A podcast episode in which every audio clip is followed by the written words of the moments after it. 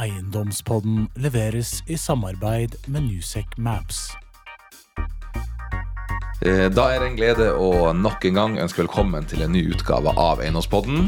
Eh, Denne gang så skal vi løfte blikket. Vi skal litt eh, ut av Norge, ut av Europa. Vi skal globalt. Eh, Og i den forbindelse har vi fått McKinsey på besøk, og ingen ringere enn Erlend Spets. Hjertelig velkommen. Tusen takk. Du skal snakke litt om eh, det overordna bildet vi ser globalt. Komme litt inn på bærekraft og litt inn på industrialisering. Stemmer det? Ja, stemmer. Det blir et spennende tema. Og som vanlig så har jeg med meg Jon, som da skal lytte og lære og stille de litt eh, vriene spørsmålene og følge opp hva du, Ellen, har å fortelle om hva som skjer out there. Ja, jeg gleder meg virkelig til dette. Så får jeg litt sånn større perspektiv på det vi holder på med. Øyvind. Så jeg tror vi kan lære mye av eh, hvordan McKinsey jobber med, jobber med eiendom i bred forstand, og globalt. Så det Ja, og- ser jeg, ser jeg fram til å ta med meg.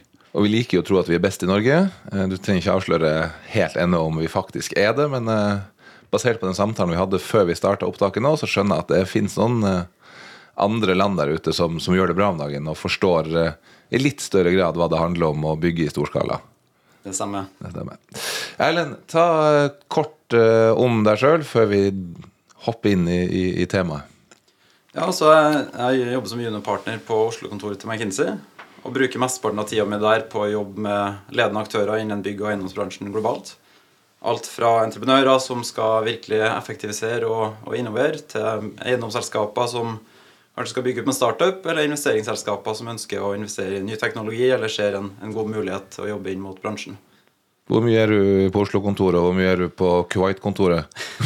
Nei, jeg har vel en god miks mellom å være internasjonalt og i Norge. Så kanskje 20-30-40% av tida i Norge, og resten litt rundt omkring i verden. Spesielt Europa, Asia og Midtøsten er ganske hot om dagen.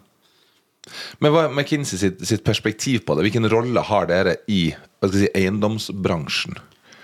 Ja, altså, vi jobber jo eh, med mange av eh, Vi har bygd opp ganske mye perspektiver. Vi har et eh, forskningsinstitutt som jobber ut fra Sveits. Som forsker, gjør mye grunnforskning på bransjen og tar for seg måte de underliggende trendene. Ser hva som, eh, hva som beveger seg ut der, og hvordan det påvirker markedet.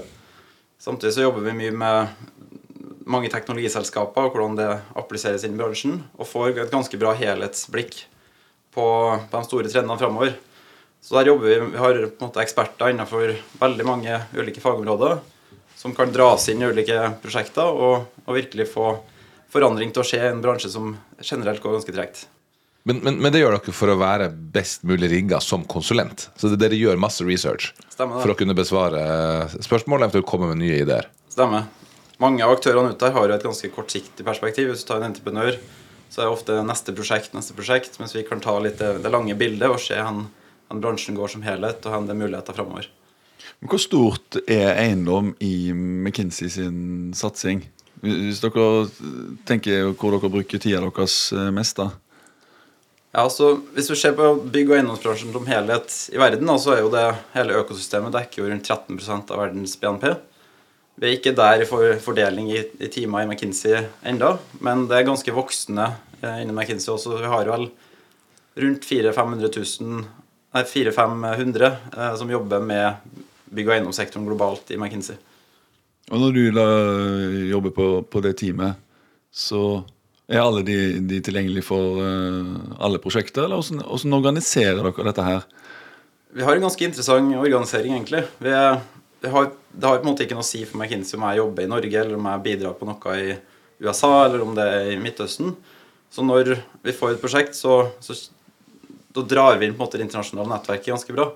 Så da liner jeg egentlig opp måte de som kan de ulike markedene i ulike land, for å få dem måte de nyeste og mest spissa perspektivene inn til det prosjektet. Og Så setter vi sammen et team som jobber med klienten eh, lokalt.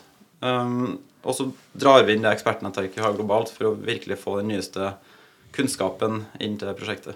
Så hvis du jobber med et, eh, et norsk foretak, da, så vil det alltid være norske som sitter lokalt og holder i prosjektet, men så trekker dere på globale ressurser. Er det riktig forstått? Jeg vil si ofte, men hvis jeg f.eks. finner en, en veldig flink konsulent som jobber med akkurat samme tema i Tyskland, for eksempel, så tar jeg gjerne med den personen inn til prosjektet i Norge også. For å få på en måte riktige folk på, på oppgaven. Interessant, altså. Men det gjør jo også at dere kan jobbe døgnet rundt, da. Når dere er ul... Det gjør det. Jeg hadde, jeg hadde et prosjekt jeg jobba på i Korea en gang under pandemien. Når jeg satt i Norge. Vi hadde mesteparten av teamet i Korea. Og så hadde vi noen med oss fra Denver i USA. Så da hadde vi egentlig åtte timer mellom eh, de ulike folkene på teamet. Så i prinsippet så kunne man jo da jobbe 24-7. Så det, det var litt tilfeldig, men det er jo en av fordelene også med at man er global. Du får, jo lever, altså, du får jo gjort mye på, på kort tid, da, når du kan jobbe ja, treskift. Ja, det er helt enormt. Og så jobber dere vel ganske bra skift også når du, når du er i gang med et skift. Ja, det er jo ikke noe å legge under stol at vi, vi står jo på når vi eh, jobber, men eh, det er også en del fokus på, så klart, i hvert fall i det siste, at folk skal ha en bærekraftig arbeidshverdag også, da. Så det, man prøver jo på det. vi, vi skrev jo i sommer og annonserte vi en ny rapport som tok for seg eh, effekten av pandemien på eiendomsmarkedet på langsiktig trekk. Og den uh, summen der er vel at vi forventer ganske store omstillinger, spesielt enkelte steder i verden. Vi kommer litt tilbake til. Det er kanskje fem hovedbudskap i den rapporten. Det første er at det vi kaller hybridarbeid er her for å bli. Hva er hybridarbeid? Hva er definisjonen? Det er at man, man har en miks mellom hjemmekontor og, og jobb på kontoret. Så man kanskje eh, jobber tre dager på kontoret, to dager hjem. Man jobber halve arbeidsdagen hjem. Og det vi ser i snitt, er at på de byene vi har undersøkt, er at man er 30% mindre på kontoret nå kontra det man var før pandemien. Og hvilke byer er det? Vi tok for oss 30 av det vi kaller supercities globalt. Så da tok vi for oss byer som San Francisco, New York, Paris, London, Beijing. Litt spredd over hele verden, men hovedsakelig de store byene som setter på en måte tonen for, for verden. Og da er det 10-15 ned. Eh, 30 var det ikke det? 30% 30 var det du sa. på oppmøte på kontor. Og, eh, Oslo er en del av dette. Oslo var ikke en del av denne undersøkelsen, men eh, vi har gjort en del analyser på det norske markedet også, da, som jeg kan, eh, kan komme litt tilbake til etterpå. Men hva er, hva er grunnen, da? Eh, Hvorfor er det så stor andel som da velger å jobbe hjemmefra globalt, versus hva vi egentlig har sett her hjemme, da?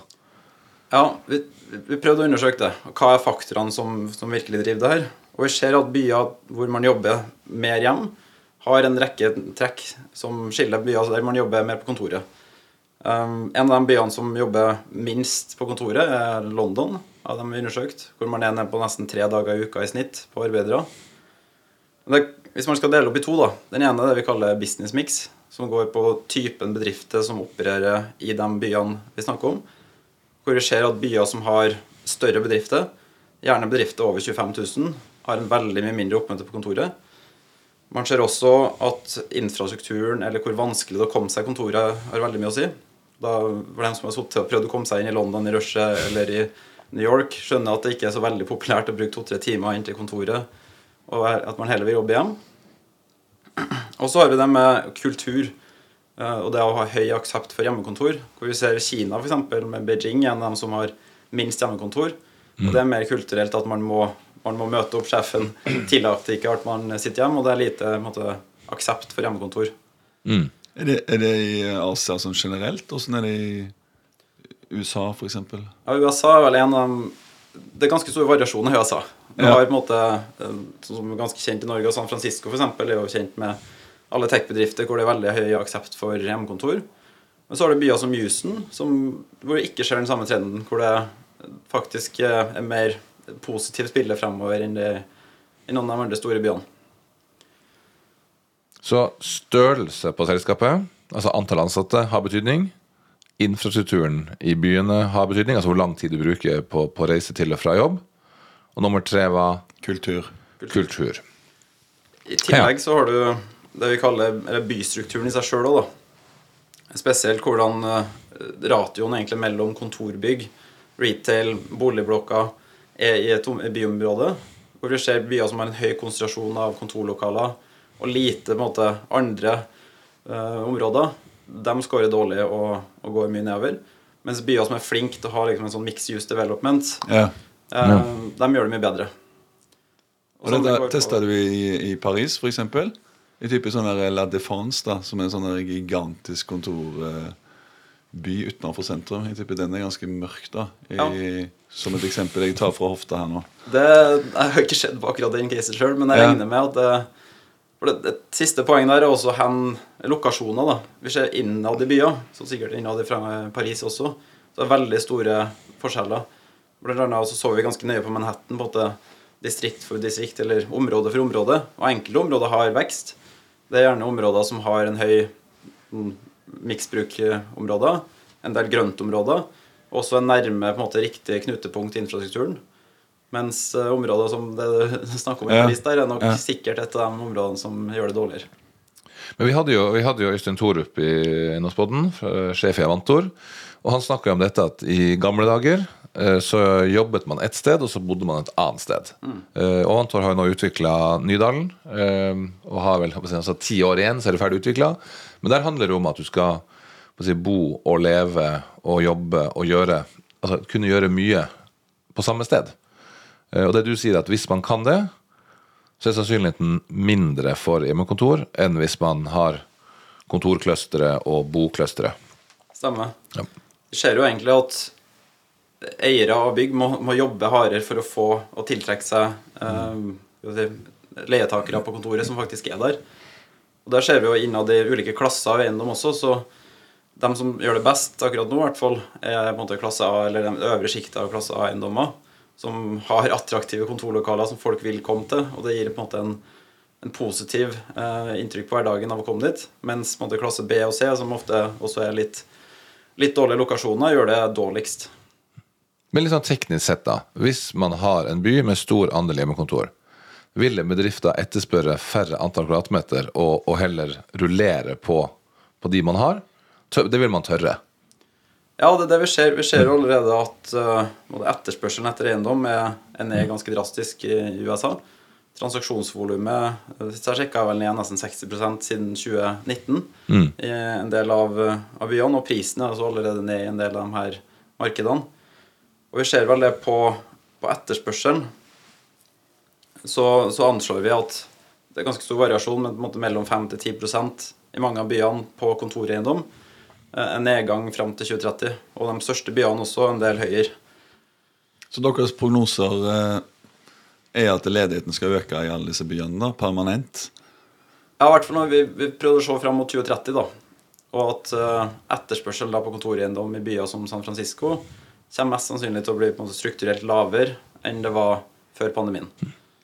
Og det lytterne våre lurer på nå, Oslo, hvis du skal mene noe Vi, vi har jo vært litt Jon, det må være ærlig på at denne trusselen om hjemmekontor, den har jo vi Ja, den har, mener vi har dempa seg litt.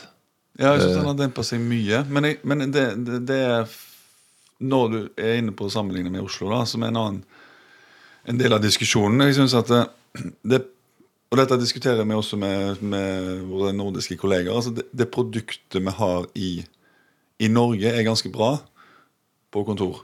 Du har unntak her òg, men sånn gjennomgående så er det Gjennomgående så er det produktet vi kan tilby på kontorsiden, ganske bra.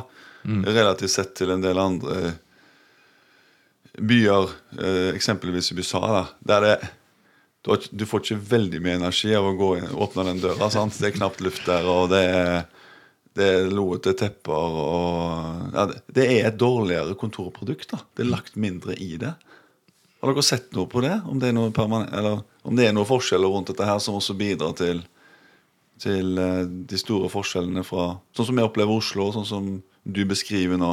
Ja. Deler av eh, Ja, Vi gjorde en måte lettere eh, undersøkelse på det og så på måte, Oslo, Stockholm, København og noen av de andre nordiske byene. Og som alltid så er man ofte eller man er, man er mer skjerma i Norden. Og det positive er at mange av de her effektene vi ser, ikke er like dominerende her. Hvis vi tar for oss de driverne jeg snakka om på hvorfor det her skjer, så scorer faktisk de nordiske byene ganske bra på det meste av kategoriene. For det første så er det mye mindre bedrifter. Det er ikke så mange 25 000 pluss ansatte bedrifter i Oslo.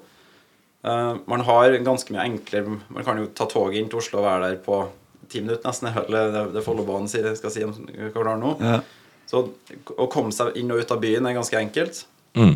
Samtidig som vi er ganske god på både kvalitet, som du sier, på kontorer, men også at man har veldig mye egentlig ganske mye sånn mixed use-områder allerede i byer som Oslo og København f.eks. Så når vi ser på Norge, så er det ganske lite effekt eh, vi har sett ennå av pandemien.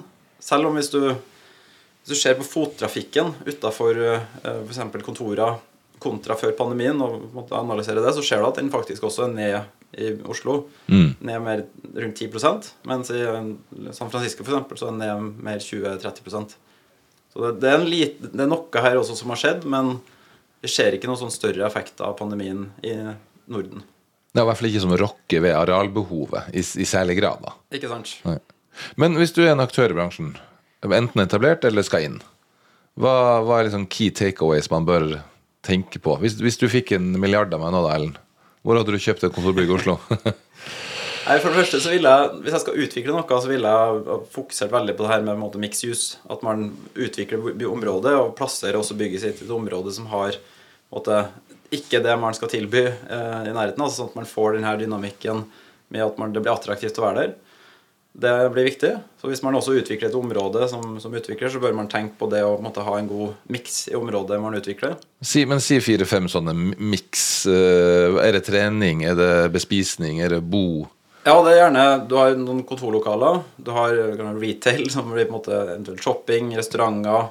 Gjerne noe grønt eller noe måte, morsomt å gjøre der også. Og så har du boliger i samme område, sånn at du har en god miks av, av type enheter da, som finnes i det området. Mm. Så typisk Skøyen vil være et sånt type område i Oslo? Ja, Eventuelt Nydalen, som vi snakka om. Ja. ja. Eller uh, Aker Brygge, for så vidt. Det er kontorer, ja. du har restauranter, du har shopping, man har boliger. Mm. Så man har egentlig ganske mange av disse områdene allerede i forhold til byer som New York, f.eks., hvor det er ganske tett med kontorer i, i de verste områdene. Ja.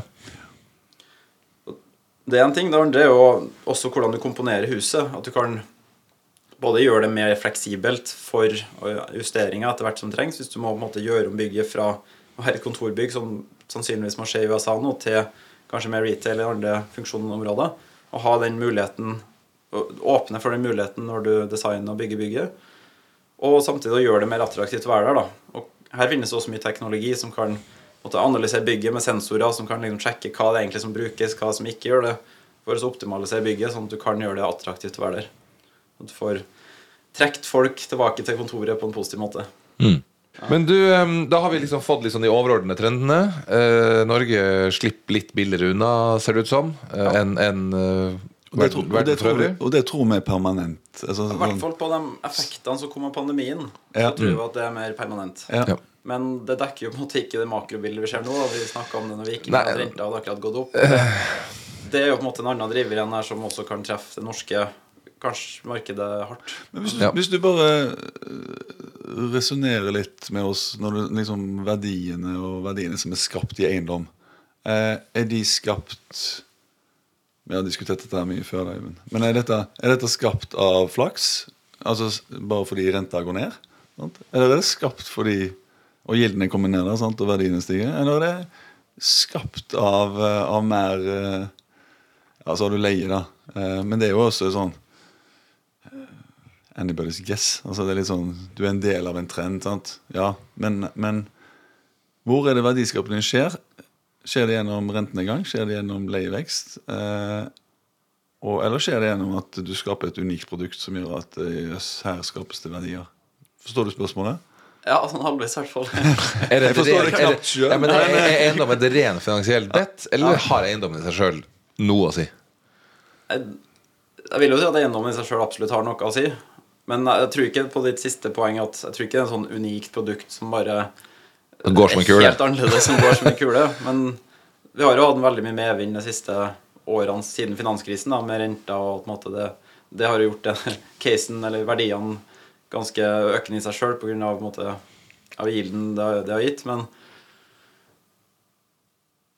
men det er lov å si at, at For det er mange som snakker om eiendom med håndverk og gå bort og sparke i veggen og skape noe unikt og skal stå der i 100 år. Og, men det er jo som du er inne på, Jon. Altså med, det har jo blitt et finansielt produkt og en aktivaklasse som er blitt veldig profesjonalisert. Mm.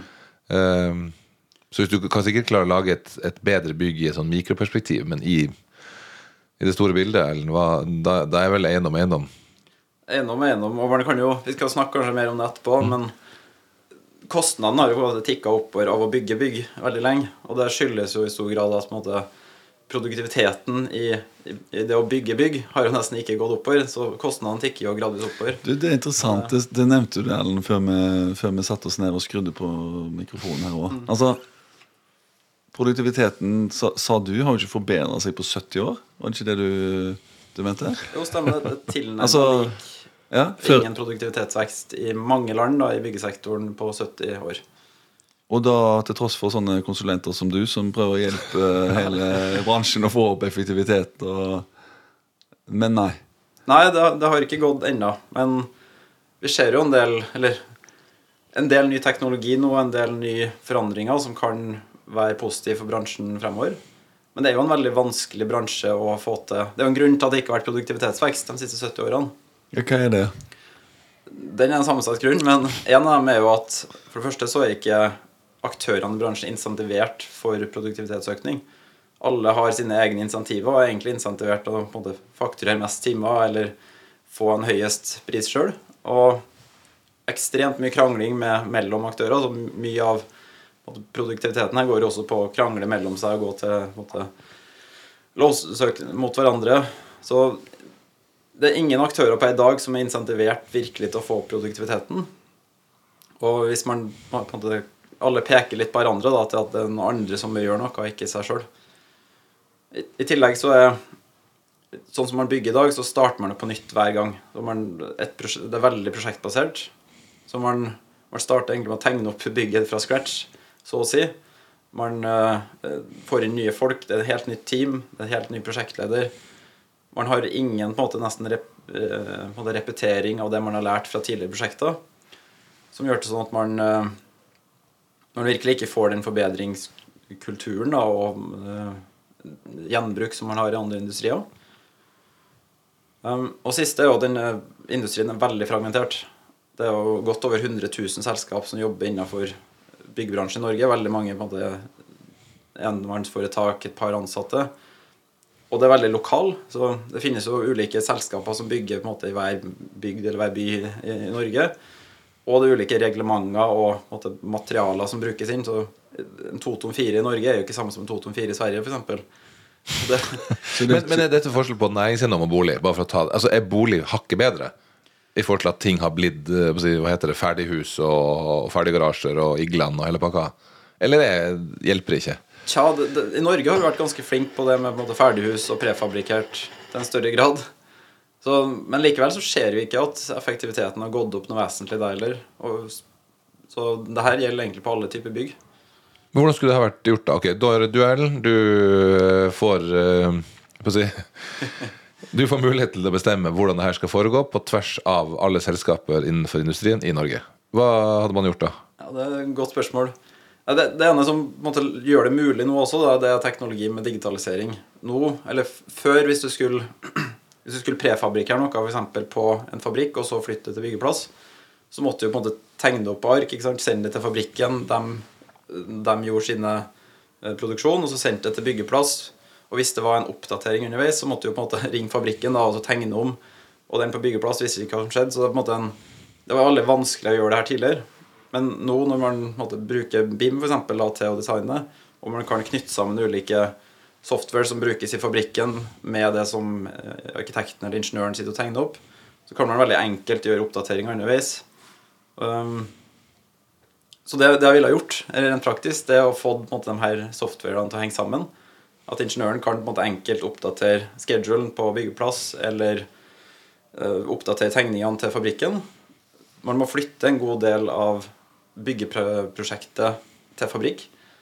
Det er flere grunner til det. Uh, Men man må på en måte industrialisere til den grad det er mulig da, på en måte produksjon av komponenter, av elementer og eventuelt moduler der det, det kan passe.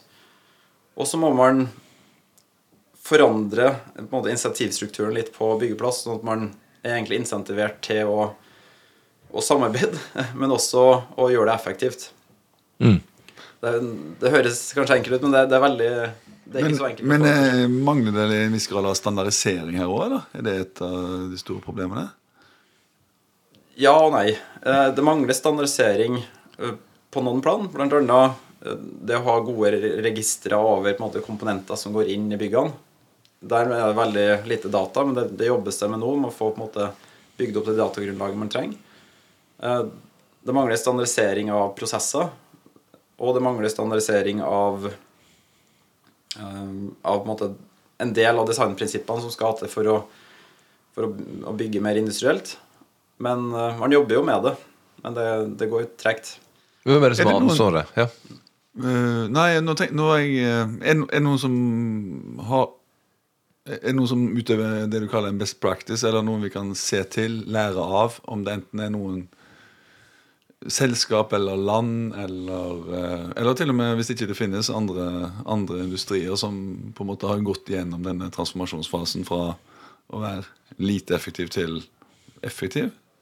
Jeg kan ta det siste først. da. De fleste industriene vi kjenner i dag, har jo gått gjennom denne prosessen. Om det er for 50 år siden eller 100 år siden. Eller du tar skipsbygging som et eksempel. da.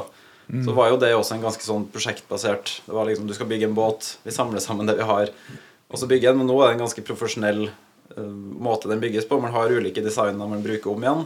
Man har en verdikjede som, som lager på en måte prefabrikkerte komponenter som går inn i skipene.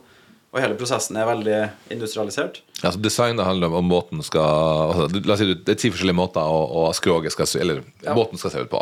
Ja. Og så er det ti forskjellige ting du kan dytte inn på instrument og den type ting. Altså Du, du plukker egentlig sånn hyllevarer. Du, du gjør det til en stor grad. Så er det jo på en måte Skip skal jo være ulike størrelser for å passe i Panamakanalen eller om det er Suezkanalen. Så man har jo på en måte variasjoner der òg. Men likevel så har man klart å på en måte gjøre det ganske industrialisert. da Men hvorfor har den industrien vært villig til å gjøre det, mens byggebransjen ikke har vært villig til å gjøre det? Bygge, jeg vil si Byggebransjen er vanskeligere, da. Fordi at skip skal jo på en måte De skal seile over hele verden. Mens hvert byggeprosjekt er jo på en unik lokasjon.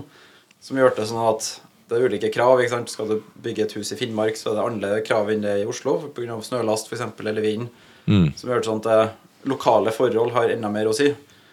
Så det gjør det at det, det blir vanskeligere å gjøre det i byggebransjen. Men men nevnt, med den nye teknologien så tror jeg det skal Det er noe som skjer nå, da, som gjør det mulig. Mm. Jo, men Du kunne jo bare hatt litt mer finmaska hyllevarer. da Som du sier, Del opp Norge i seks klimasoner. da Masse snø i Finnmark, ingen snø i Kristiansand. Altså alltid med Altså, man kunne man ikke Det kunne man gjort. Ja, man kan gjøre det. Og der, eh, på ditt poeng med hvem som lykkes med det her, da. Da har du land sånn som Storbritannia, eksempel. De jobber veldig hardt med å, en måte fra et regjerings- eller statsperspektiv å få gjennom det de kaller MMC, eller Modern Methods of Construction. Der de lager et eget framework for hvordan skal eh, hvordan måte, regler som skal gjelde for denne type bygging. Man har også kvalifisert ulike leverandører som, hvor man krever måte man krever at en viss andel av prosjektet gjøres i fabrikk. Og man krever at man bruker det man kaller for måte, DFMA, som Design for Manufacturing and Assembly. At du, du designer huset virkelig for at det skal både manufactures, men også på en måte settes sammen på en effektiv måte. Det har ikke lyktes ennå helt i UK heller. Man har ganske mange det er, myndighets, det er myndighetene som går og tar, tar føring da, for å få i stand en effektivitetsforbedring, eller er det interesseorganisasjoner som, som driver dette her?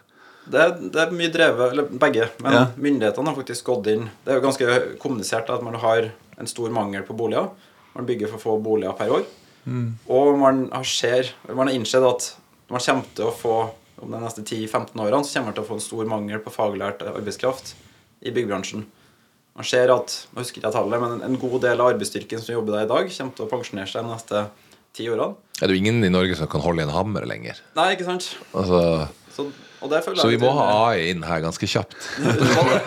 hjem, hjem til oss. Eh, men jeg syns det er interessant du, snakker, du snakker om eh, Fordi jeg, jeg trodde du skulle, denne diskusjonen rundt effektivitetsforbedring skulle ta kanskje mer en sånn eh, vending rundt teknologi. da Men der er du inne på et poeng at eh, en kan standardisere eller sette krav til hvordan dette skal organiseres. da Eh, Sånn som de gjør i UK nå. Men teknologisk de små eh, referansepunktene jeg har fra teknologi De løper og betaler med sjekk ennå, har jeg hørt.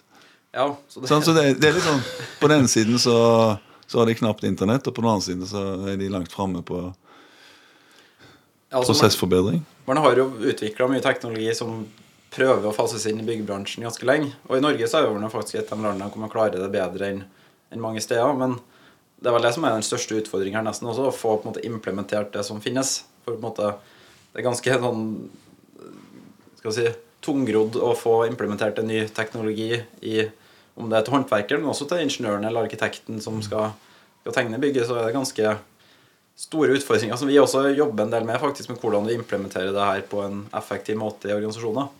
Det er mm, kanskje en av de største utfordringene. Men, men hvis man hadde fått strømlinje du, du nevnte jo på UK. Og, og type eh, bærekraftsbiten innenfor eiendomsbransjen.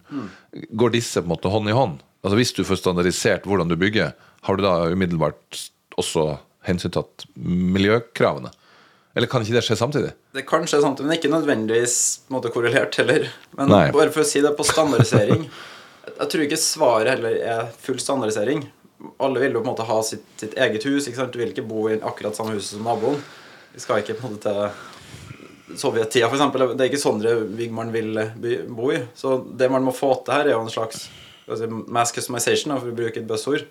Men at man kan tillate at du designer huset ditt på en måte som du vil ha det, men likevel klarer å standardisere på en måte alt Ja, men grunnmur er en grunnmur. Hvis man ikke skal være vanvittig jålete. Ja, men det er ganske mange ulike former og, og størrelser og sånn, ikke sant, som man Men Ja, men et tech-krav da, er jo typisk en sånn standardisering. sant? Ja. Ja. Huset ditt kan se ut som du vil, men det skal bare oppfylle denne tech-en. sant? Ja. Lykke til. Da er det, ja, men da er det en blanding av Sovjet og, og, og den frihetsgraden. er det visse altså, beskrankninger på Ja, Sånn må det jo være. ja, ja så, sånn må det være. Men, men Og, tanken min er at og hvis dette med snølast som, som uh, du er inne på altså, Nei, eh, det snødde ikke så mye de siste tre årene, så det dropper jeg. sant? Altså, det kan jo ikke være der. Nei, det må jo være, så visse krav må ivaretatt. Men tanken min er jo at uh, Altså Jeg har jo sjøl bygd en garasje tegna av en arkitekt, og det jeg har skjønt nå, er jo det at det er jo Skulle da du ikke gjort. Nei, for det er jo første gang det bygget har blitt bygd. Og forskjellen på en IKEA-hylle som er skrudd opp 10 milliard gang versus da, i overført betydning, en hylle som i en garasje som er lagd for første gang Altså, det tar ganske lenge tid, det koster mye med penger, og feil Det blir masse barnefeil. Så det vil jo hjelpe da med den standardiseringa du sier. At man vil jo unngå masse feil og, og tabber og lekkasjer og forsikringspremier og altså Ja, stemmer. Det, her er jo det som skjer til bilbransjen, f.eks. Når du skal kjøpe deg en ny Mercedes eller Volvo eller hva det skal være i dag, så har du jo konfiguratorer. ikke sant? Du kan justere enkelte ting. Du kan bytte farge, kanskje du kan bytte om setet skal være sånn eller sånn, men du kan ikke liksom velge, velge om bilen skal være tre meter eller to meter. Sånn at det å lage noe, noe tilsvarende for byggebransjen, og at du kan på en måte gjøre en del valg som gjør sånn at huset føles, eller bygget føles som ditt, men likevel gjør det på en måte Du kan ikke du kan ikke plassere en veranda her, da. Eller du kan ikke utvide den veggen med, ti meter, men du kan kanskje gjøre det to eller fire, da. mm. Og på en måte finne en god middelvei der. Men Det er en del som gjøres, eh, jobbes med. Du, du var inne på skipsindustrien, som, som har lært oss eh, som en, som en foregangsindustri i forhold til effektivitetsforbedring. Og så er du innom eh, UK, som også er et land som har eh, gjort mye for å bidra til effektivitetsforbedring. Har vi eksempler på eiendomsselskap eller entreprenører i Norge som det går an å se til, eller er det vanskelig å Eller kan du ikke ta og, og, og peker på noen? Nei, det, det er vel en del som, det er som jobbes med akkurat nå. Vi har ikke sett måte, de store effektene av det ennå. Men hvis man tar på en måte Hvis du tar de store, da, Skanska og Veidekke f.eks. Jeg vil jo anta at de ja, driver med kontinuerlige effektivitetsforbedringer og, og, og har hatt rådgiver inne og, og, og, har alle, alle insentiver da, til å få til en liten effektivitetsforbedring. Den, altså de, de marginene i hele denne bransjen her er jo helt eh, skammelig lave. Det er jo kanskje andre grunner til, men, men eh, Hvis man ser på det utafra, så virker det kanskje ikke sånn. Men um, det virker ikke som man har virkelig fått noen store forbedringer. Og, og der skjer det jo masse Selskapene her jobber jo godt med, med forbedringer, men likevel så ser man ikke at det har, det har skjedd. Og, og en del av grunnen til at man, man, er, er en prosjektbasert bransje. Det som er aller viktigst og på toppen av pannebrasken, som det også bør være til mange av de her selskapene, er ok, hvordan lever de på neste prosjekt hvordan måtte lykkes vi på det prosjektet, sette sammen det på en god måte. Men man ser ikke kanskje ti prosjekter fram da, på samme måte. Eh, Fordi at det er så, det er så lave marginer. ikke sant? Det er på en måte liv eller død på hvert prosjekt. sånn at Man klarer ikke å ta det her lange perspektivet. Og der ser vi jo en del av dem som Hvis du skal lykkes her, så må du jo det. Hvis du skal virkelig forandre måten du bygger på drastisk, så kommer du ikke til å lykkes på første prosjektet. Kanskje ikke andre, kanskje ikke tredje, men på fjerde prosjektet så begynner det å skje en, en stor forbedring. Så man må være villig til å ta ta litt risiko og på en måte hoppe i det. Og så vil man se på en måte forbedringene lenger fram. da. Men det, ser- det gjøres ikke så mye Ser dere noen globale bedrifter da som, som du ser lykkes, som du går an å, å følge litt ekstra med på? Ja, man har Både ja og nei. Man hadde jo et selskap som het Caterra, f.eks., som prøvde Det var, var faktisk en norsk eh, leder på et tidspunkt også, men de prøvde jo virkelig å forandre måten man gjorde det her på. Det var, de fikk jo masse penger fra Softbank og, og skalert og, og, gjorde forandre alt. Um, og de ble jo snakka om som et, en, en selskap som skulle revolusjonere byggebransjen. Men de gikk konkurs. Um, og mange av dem de prøvde på var nok riktig. Så det var ikke noe feil med ideen, men problemet der var at de skalerte altfor raskt. De prøvde på en måte å gjøre alt på en gang. Man skulle liksom innovere alt fra på en måte dusjkabinetter til design til på en måte integrasjon. Og skaller det på en måte på tvers av hele USA, India Men dette var en entreprenør? Eller var det en teknologiplattform som ble en entreprenør? Ja. Det var vel en entreprenør og, og byggherre. Det var også noe de kanskje gjorde feil. De kjøpte opp masse land som de skulle bygge på. Så på en måte balance sheetet ble jo veldig blåst opp. Um, og da til slutt så gikk det tom for kapital. Men de prøvde å være en totalentreprenør og utbygger samtidig. Men har du trua på at, eh, at vi kommer noen vei de neste 70 årene? Når vi ikke har kommet noen vei de foregående 70? Ja, det har jeg stor trua på. Og du har det, ja? Ja, jeg, jeg vet mange selskaper som jobber med det her, som kanskje ikke har sett resultater av ennå. Så- Og med den nye teknologien som har kommet, som holder på å fases inn Problemet er at det tar tid, men det skjer ganske mye ut der nå som gjør meg optimistisk. Og også med på en måte med, generativ AI som på en måte kommer til stor grad nå, så er det nok mye enklere å få det her til å skje nå. Og mange selskap som jobber med så jeg har trua på at innen de neste ti årene så vil det nok skje en ganske stor forandring i byggebransjen. Men har det ikke vært spesielt én ting innen byggebransjen som har vært veldig fokusert på og veldig suksessfullt, dette med HMS? Det virker som om det har fått en veldig veldig stor og viktig plass i, eh, og fokus i byggebransjen. Ja, det stemmer. Det har jo vært, eh, det har vært veldig suksessfullt. Det må jo være noen av de eh, viktigste forbedringene du kan, du kan få til. da. Ja da, så det har vært, har vært veldig bra. Og så har vi jo på en måte, hvis man ser videre på den, da, så har vi jo det med bærekraft. Det er jo noe som virkelig på en måte, trås fram nå, som byggebransjen har innsett at her må ned noe stort skje. Og også eiendomsbransjen. Så det er jo et tema vi ser de, i hvert fall de siste to-tre årene har begynt å liksom komme i fronten på pannebrasken på mange av, av lederne i sektoren. Som uh, kommer til å bli veldig spennende fremover.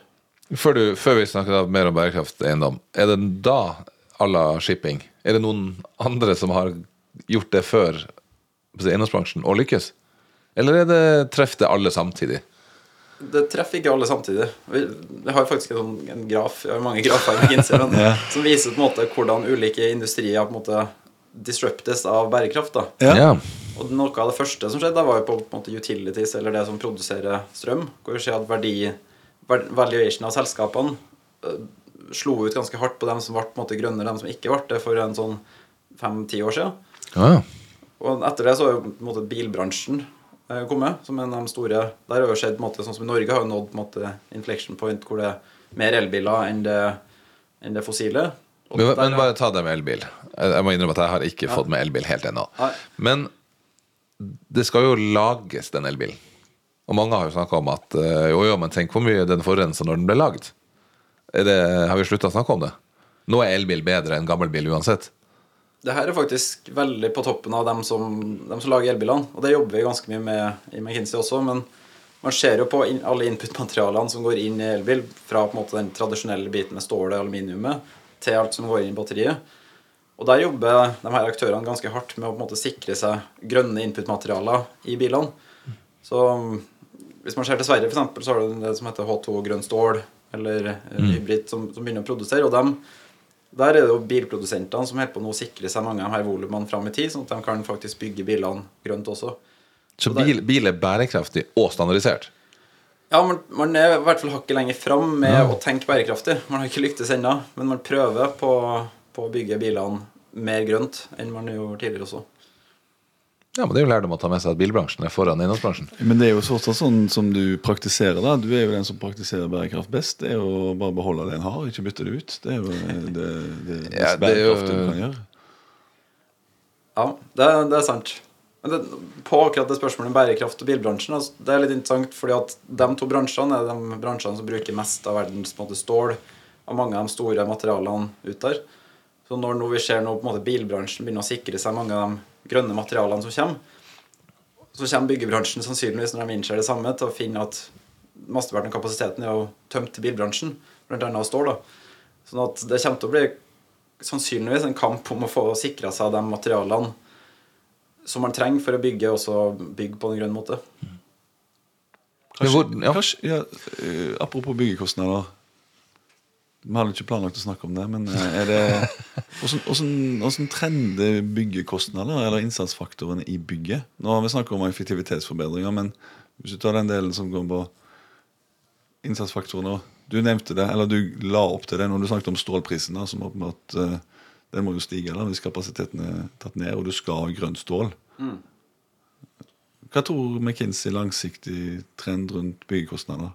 Går det an å si noe om det?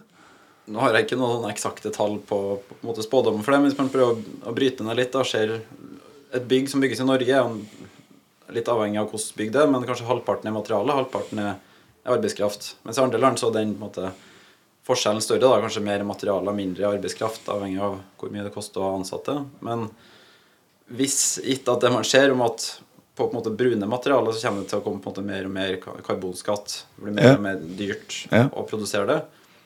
Grønne materialer er jo dyrere å produsere i dag. Stort sett. Eh, Den måte, forskjellen mellom brunt og grønt kommer nok til å gå ned i årene som kommer, men de kommer nok til å være dyrere. Så hvis man tenker på det sånn, og arbeidskraft og måte hvor mye det koster å ha det, er jo ikke noe som går opp nå, både med inflasjonen men også kroner som svekkes, og det blir dyrere å kanskje ha utenlandsk arbeidskraft her også. Så peker jo begge dem med at prisen, eller kostnaden av et bygg, kommer nok sannsynligvis til å gå opp, og ikke ned i hvert fall fremover. Så lenge man ikke får til industrialisering, da. Nei, men jeg tror, du, jeg, tror jeg tror du har helt rett. Jeg ville vel heller bli overraska om du fant grunner til at det gikk byggekostnadene går ned. Men det må jo da være i forbindelse med den effektiviseringen. da, Hvis en får, får til de effektiviseringsgevinstene. Det er vel kanskje det store håpet da, for å bringe byggekostnadene ned. Ja, absolutt. Jeg har tenkt på en annen ting som jeg Eller jeg har ikke tenkt på det, men jeg har diskutert det med noen, noen kunder. Eh, Og vi tok det opp her på poden en gang før. Eh, Når du skulle da gjenreise Ukraina, da La oss håpe det liksom er nært forestående. Eh, Hvem skal bygge opp det landet?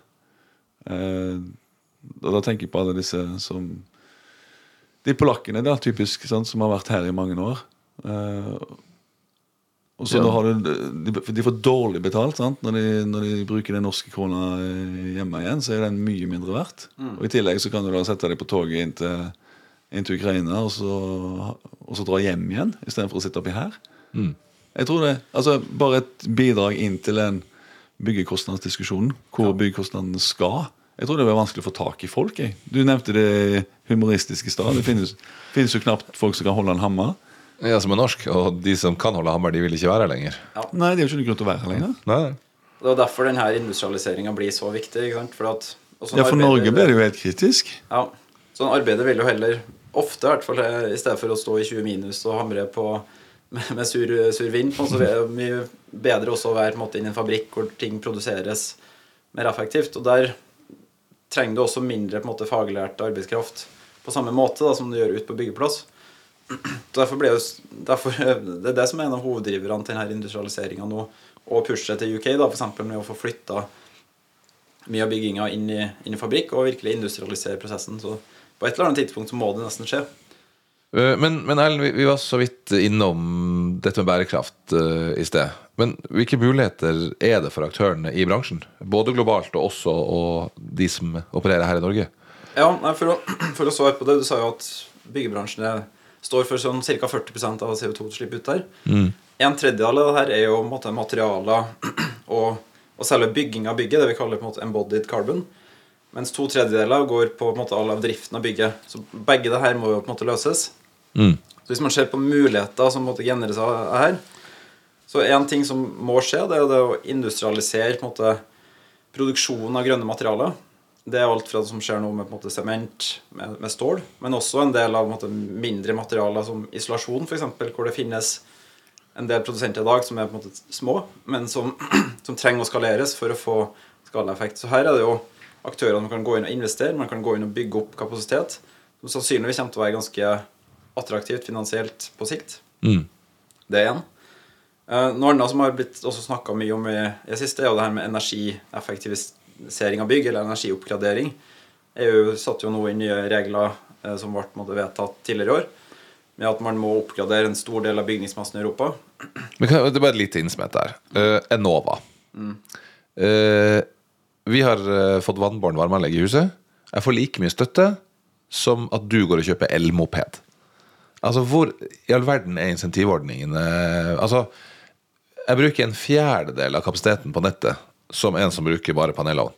Men hvorfor tenker da ikke myndighetene at du La oss bare betale for oppdateringene, og så blir effekten på nettet en fjerdedel. Ja. Her er det definitivt noe som må gjøres med finansieringa. For kostnadene her, hvis man måtte summere opp alt som må skje innen 2030, tilsvarer jo et helt norsk statsbudsjett. Ja. Så, og hvem skal betale? Skal man, er det Nova som skal komme med støtte? Så får den være ganske stor. Eller er det dem de som eier bygget, som skal ta kostnaden? Men her, på det vi også snakka om tidligere I dag så er det jo det her er også et veldig fragmentert marked. Veldig egentlig uproft i den forstand av at det er veldig små aktører som, som gjør på en måte enkeltinstallasjoner. Så her er en enorm mulighet for selskaper som går inn og på en måte tar en mer helhetsløsning, og på en måte industrialisere den prosessen også. da, Med hvordan man, med alt fra på en måte å finne ut hvilke bygg som skal oppgraderes, hvilken teknologi skal man bruke, hvordan på en måte prosjektleder du det, hvilke komponenter skal gå inn i bygget, og, og effektivisere måten man faktisk gjør den oppgraderinga på. Så her er det store muligheter for noen som vil gå inn og en ta en posisjon i det markedet i årene framover. Men du kommer inn på dette med industrialisering og effektivisering og strømlinjeforming hele tiden, egentlig. Det det, det, det er der nøkkelen ligger. Ja, jeg hører det har blitt, uh, blitt litt gjentagende på det. Nå, men, Nei, men- men det, det- i stor grad så, så handler det mye om det. Men det er vanskelig. Spesielt på oppussing er også vanskeligere enn enn nybygg. Så Er det man ikke har fått til på 70 år. mange, du har så, jeg bare sitter og tenker på dette uten, uten din eh, dybde, dybdekunnskap og ditt perspektiv, Erlend. Men du, du har så mange jækla mange komponenter inni et bygg. da, sant? Og det er klart at Hvis du skal installere en eller annen energieffektivisering i et bygg, sant, så kommer du med det utstyret du monterte i et annet bygg forrige gang.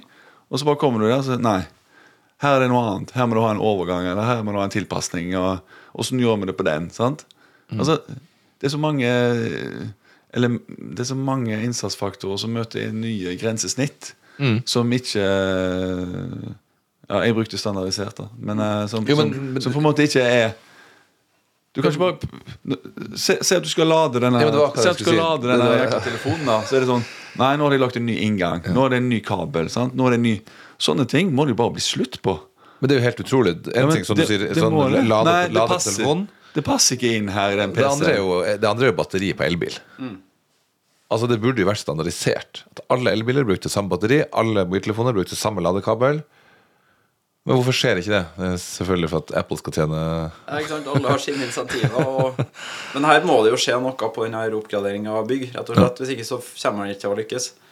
Så her, som du sier, du skal installere et vindu, så ringer du en fyr. og Skal du ha varmepumpa, så må du ringe noen andre. Og så er det en annen leverandør som må komme. Så står den og venter på hverandre. så Ja, det, det er helt kaos. Altså, det er jo helt kaos. for forbedring. Det er hvordan det gjøres i dag.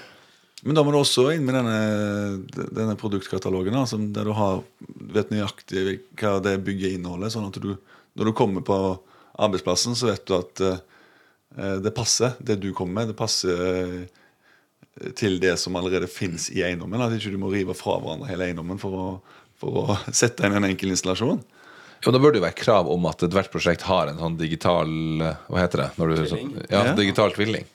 Og der gjøres det jo en del mye med på en måte ny 3D-skanningsteknologi som brukes på, på en måte, renoveringsprosjekter. Men det, her er det vanskelig å på en måte se gjennom veggene. da. Det er ikke så enkelt å på en måte skanne, og så får du se alle rørene i veggene uten å bruke på en måte noe, noe, noe tung røntgen eller et eller annet sånt. Så det er ikke enkelt å få det til å skje heller, men det finnes nok en stor rolle for bedrifter som går inn og tar på en måte den rollen med å, å rådgi deg da, på hva hvilke komponenter bør på plass her for å gjøre det her eh, kostnadseffektivt. Ja, eller gjøre det litt sånn universalt. sant? Ikke sant? Eh, der du alltid kan koble deg på på en enkel måte. At du har en universal eh, mottaker. Men, men, du, en, men en ting nå. Nå fikk jeg en annen ting som Når jeg endelig har gleden av å ha deg her eh, fra McKinsey. Vi, vi snakker om effektivitetsforbedring og hvor jækla lang tid ting tar. Og så ser vi liksom Ja, i Kina det hadde de fiksa det på to uker, og her tar det tre måneder. sant? Er det noe i det, eller er det Sånn, sånn veiarbeid, for eksempel. Uh, Gud bedre. Altså, hva, er det folk Hvorfor tar ting så utrolig lang tid? Uh, jeg har ikke forståelse for det, altså. På, på, på, nei, men en ting er Det du skal, bygge et prosjekt, eller Nå, nå blir jeg sånn, litt sånn som dine eksempler, litt sånn virkelighetsnær. Men den der eh, trikken opp Kongsveien, eksempel. Og så tenkte jeg ah, det er jo et forferdelig strekke sant? og trangt. Og endelig, nå gjør de noe med det. Så setter de på trikken med en, så sier han nei, de skal ikke gjøre noen ting. De skal bare legge nye eh, skinner under fordi eh, det var litt løst. Og det skulle ta ni måneder. Og så, skje, altså, så, så er det ingenting forbedring annet enn at trikken kan gå litt sånn smoothere opp. Og, Ja, ja. ja, men ikke ble veien bredere. Eller, altså, ingenting skjer. Ja, nå spurte jeg selvfølgelig av med et sånt eksempel fra virkeligheten. Men er det en forskjell på Er det en myte, eller er det en realitet at uh, ting går tregt her, og så går det raskt i Østen, da? Eller i Kina, for å være kon- Svaret er vel at det vil variere, men i stor grad så tror jeg nok det er mye riktighet i det. Man, og det er flere grunner, men en av dem er jo på en måte alt byråkratiet og regelverk rundt hvordan ting skal gjøres, som på mange måter er bra for at man, man gjør det riktig stort sett. da, og man på en måte må ikke flytte folk for å på en måte man, man har mye prosesser på plass for at det skal skje, men veldig mye unødvendig og tung byråkrati for å få gjennomført prosjekter. Sekstimersdag, HMS. Ja, ikke sant? Og så har du på, på gjennomføringa også, så er det nok Sånn som Kina er jo veldig flink på å bygge mer effektivt enn vi har. Og de har jo mer erfaring også. De bygger jo skalaen i antall bygg som settes opp der, er jo ganske mye større. Så man får på en måte mer Man har gjort en del av denne industrialiseringa til en større grad i Kina enn man har i Norge, da. Um, som blir drevet av på en måte alt fra på en måte toppen av landet, hvor man på en måte tvinger gjennom ting eller får på plass regler til det, til at man faktisk får lært hvordan man, man blir nødt til å industrialisere da, for å få bygd så mye som de har bygd der. Det er litt i det der uh, styresettet, da, hører jeg mellom linjene. Nei, men uh, Ja, det, det, det er nok litt der òg, ja. Du, vi skal uh, begynne å avslutte, Ellen. Uh, men nå som du har eh, muligheten til å være i en podkast og snakke ut til et bredt spekter av investorer og øvrige aktører i bransjen, hva, hva er det si, mest positive og negative som skjer de, de kommende årene? Og, og, og hva er de spennende tingene som, som skjer? Hvis du tar sånn, litt sånn perspektiv her på tampen. Hvis jeg skal summere opp, da, så byggebransjen er en ekstremt stor bransje. 13% av verdens BNP, 40% av eh, på en måte, CO2-utslipp. Som har veldig mange problemer med å måte få omstilt seg. Men i de problemene så finnes det jo utrolig mange muligheter og spennende ting som kommer til å skje. Nå er på en måte mye av grunnlaget på plass med teknologi, med, med på en måte reglement som på en måte pusher deg framover. Så jeg, jeg tror nok de neste ti årene kommer til å bli utrolig spennende i byggebransjen. Og for dem som er litt framoverlent og gjør de riktige tingene, så finnes det, om du er investor, om du er på en måte utbygger, om du er entreprenør, så finnes det utrolig mange muligheter nå for å så virkelig på en måte bygge business av det her, eller tjene penger på den transaksjonen, transisjonen. Mm. Men er det veldig mye dyrere å være med på den eh, reisen de neste ti årene? Eller kan man gjøre det også i et sånn kommersielt perspektiv? Altså Ta Entra, da, som bygger på Tullin. Altså, det er ikke hvem som helst som har råd til å drive nybrottsarbeid og hente betong fra PwC-bygget nede i Barcode. Nei. det kan jo sette spørsmål om en effektiv måte å gjøre det på, men man ser jo i hvert fall historien som har vist i på en måte der som jeg gikk gjennom med på en måte utilities som har gått gjennom en transisjonen, elbiler De som var tidlig ut, og som virkelig tok en god posisjon og, og posisjonerte seg godt tidlig, de ser jo en veldig verdiøkning av på en måte, selskapsverdi, f.eks. Nå er jo de som har vært senest i bilbransjen med å gjøre det, sliter jo med valuation av selskapet, mens de som var inn tidlig og gjorde ting, de kjenner godt på det. Så her handler det nok om å gjøre de riktige valgene tidlig nok til at man ikke kommer på, på etterslep. For da blir det tungt å gjøre de omstillingene som kreves. Men Hvis jeg hadde eid trekanttomta i dag, da kunne jeg ringt til deg, Ellen, og, og tatt en, en liten sånn pre-prat på, på hva, hvordan effektivisere fra A til Å? Kunne ha gjort det. vi- gjør ikke så mye på en måte enkeltprosjekter. Vi jobber på en måte mer helhetlig. Med Altså, nok, nei? med den- Det store bildet, da. På, på den, så, men er prosjektet stort nok, så gjør vi faktisk ganske mye på prosjektnivå også. Ja. Men uh, Og det kan fort være en kostnad som blir ganske billig, sånn i det store bildet. ja, vi ønsker jo Vi, har jo en, vi vi prøver å gi ti ganger så mye verdi til våre klienter som vi på en måte koster, da. Så det er vel på en måte det vi prøver på. Så derfor må på en måte størrelsen av porteføljen eller prosjektet være stort nok til at det blir, blir verdt det. Men sannsynligvis så vil det jo lønne seg. Skulle du, skulle du investert sjøl? Skulle du investert i en entreprenør, eller skulle du investert i en, et eiendomsselskap? Godt spørsmål. Kommer vel an på prisen. Men jeg tror nok kanskje eiendomsselskapene har mer gevinst av å gjøre en del av de her valgene.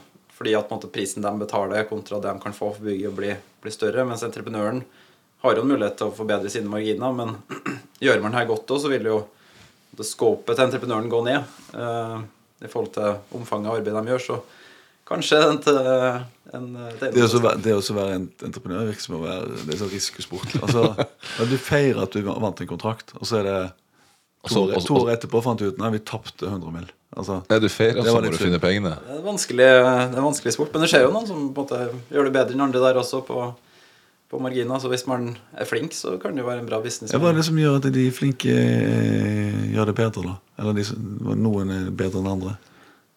Det er jo en sammen, sammensatt grunn, men noe er jo på en måte med valget av prosjekter og hvordan man på en måte plukker ut riktig i denne anbudsprosessen. Og så er det med, med gjennomføringa. Hvor effektiv er man på å gjennomføre det? Så er det jo Ja, det er vel kanskje de to viktigste. Mm. Med det så tenkte jeg vi skulle avslutte herfra. Eh, Jeg tror vi kunne snakka i to timer til, eh, Ellen. Både i forhold til eh, si, kompetanse du har, og hvor artig det er å høre når du setter i gang og prater. Men du får heller komme tilbake på et senere tidspunkt eh, når, når du har klart å revolusjonere bransjen.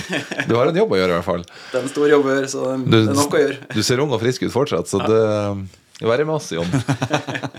Tror ikke jeg skal ha noen plass. Eh, med det så takker vi for praten, Ellen. Veldig hyggelig å komme hit. Takk for praten, Jon. Takk, Øyvind. Eh, og så har vi jo eh, Øystein Torup, Avantor, rett rundt hjørnet. Eh, McKinsey på plass. Og så kommer det flere det er noe spennende Gjester, i, i eh, pipe som eh, kan gi nye perspektiv på eiendomsbransjen.